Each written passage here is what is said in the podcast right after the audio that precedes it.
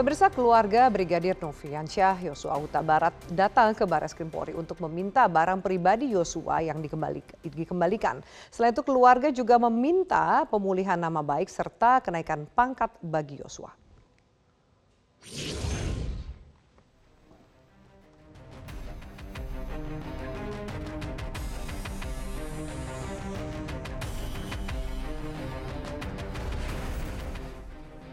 Orang tua Brigadir Noviansyah Yosua Huta Barat, Samuel Simanjuntak dan Rosti Huta Barat bersama tim kuasa hukumnya mendatangi gedung Bareskrim Polri hari Jumat. Kuasa hukum keluarga Yosua, Kamarudin Simanjuntak mengatakan kedatangan kliennya ke Bareskrim Polri untuk meminta sejumlah hak dari Yosua usai dibunuh di rumah dinas ex Kadif Propam Polri Verdi Sambo. Kamarudin menyebutkan hak dari Yosua yang diminta di antaranya pemulihan nama baik serta kenaikan pangkat dari Brigadir Polisi menjadi Ajudan Inspektur 2 atau Aibda Anumerta. Pertama untuk mengurus hak-hak daripada apa namanya almarhum Beresaya Nopriansa Joshua Huta.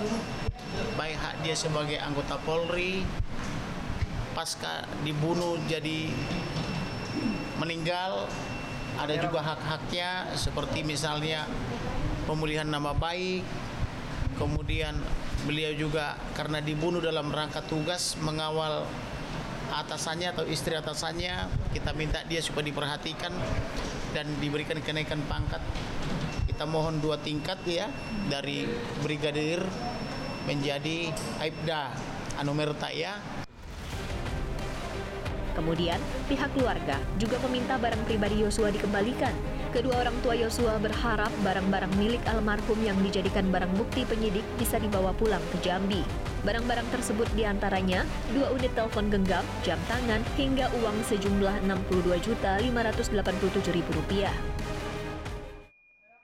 Jadi itu barang-barang memang sudah diserahkan dulu ke penyidik Mabes Polri.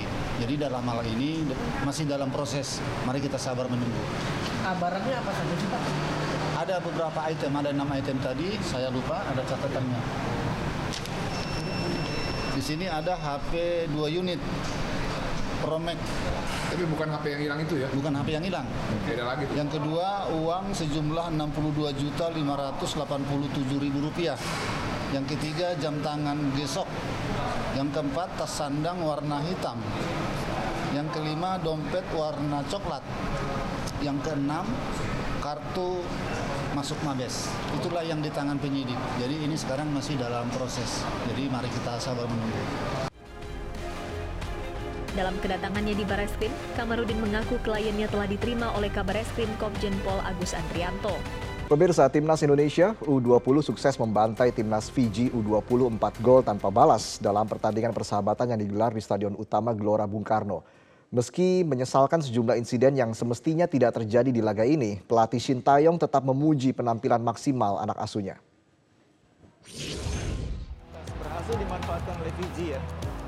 Bertempat di Stadion Utama Gelora Bung Karno, Timnas Indonesia U20 menghadapi Timnas Fiji U20 dalam pertandingan persahabatan Jumat malam. Indonesia membuka keunggulan di menit ke-35 melalui gol yang dicetak Arahan Fikri. Skor 1-0 untuk Garuda Nusantara memimpin hingga babak pertama usai. Di babak kedua, skuad asuhan Shin Taeyong mencetak 3 gol tambahan. Sundulan Kakang Rudianto di menit ke-50 berhasil mengedakan keunggulan Indonesia menjadi 2-0.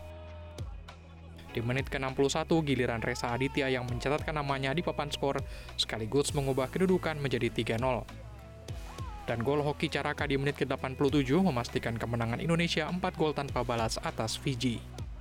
네, 오랜만에 우리 선수들이 어, 우리 홈에서 어, 경기를 했고 어, 우리 선수들 열심히 잘해줬고 어, 그렇지만 어, 보기 좋지 않는 좀더 부상사가 있어서 좀 아쉽지만 그래도 큰 부상 없이 잘 마무리된 것에 대해서는 우리 선수들 uh, sugotago uh, 얘기해주고 싶습니다. Uh, cetak gol hari ini itu juga uh, kita udah latihan di beberapa hari sebelumnya.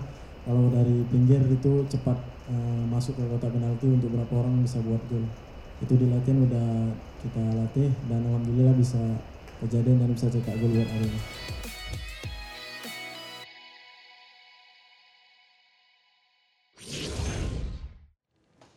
Usai sukses mengalahkan Fiji, timnas Indonesia U20 langsung menggelar latihan sebagai persiapan melawan Selandia Baru besok.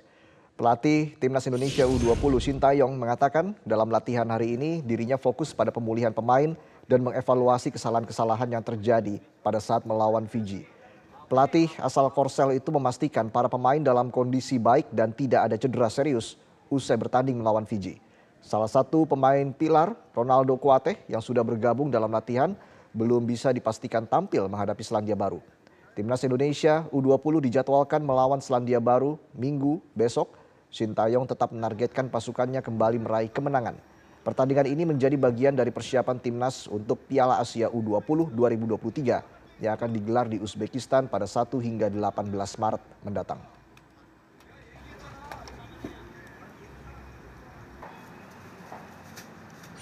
Laga antara PSIS Semarang kontra Persis Solo di Stadion Jatidiri Semarang diwarnai kericuhan di luar stadion.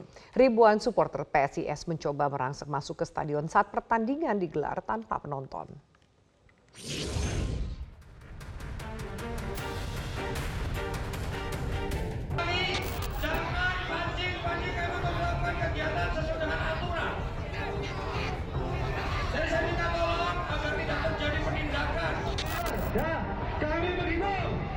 Untuk rekan-rekan supporter untuk jaga untuk jaga kondusivitas kota Semarang. Ya kita bersama-sama jaga kondusivitas kota Semarang. Tidak usah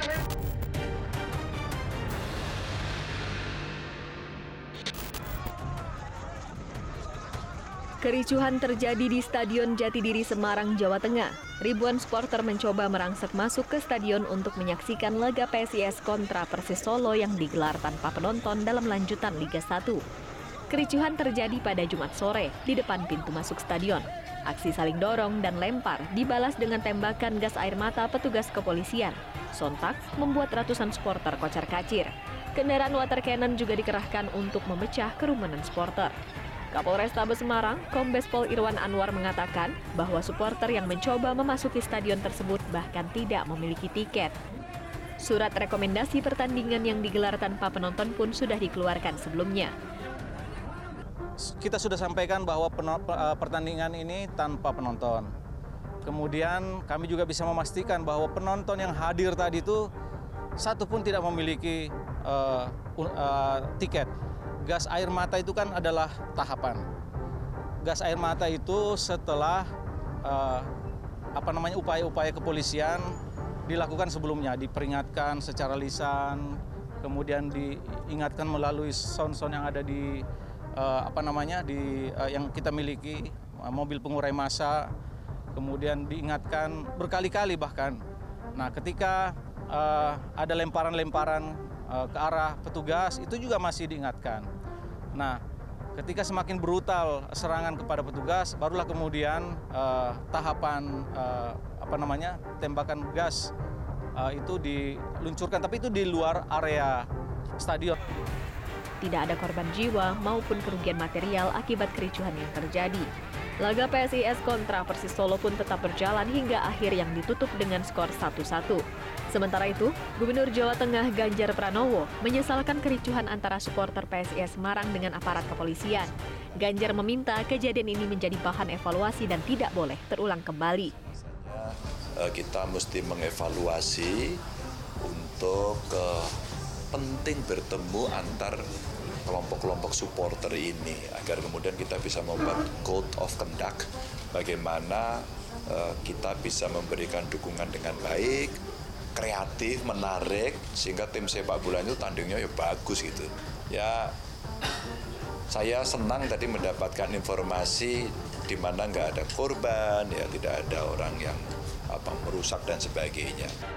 Seharusnya tragedi Kanjuruhan yang merenggut ratusan korban jiwa menjadi pembelajaran dalam sepak bola di Indonesia. Tak seharusnya bentrokan-bentrokan terjadi dan sudah semestinya supporter beranjak dewasa. Tidak sepatutnya kecintaan terhadap sepak bola harus dibayar dengan jatuhnya korban. Tim Liputan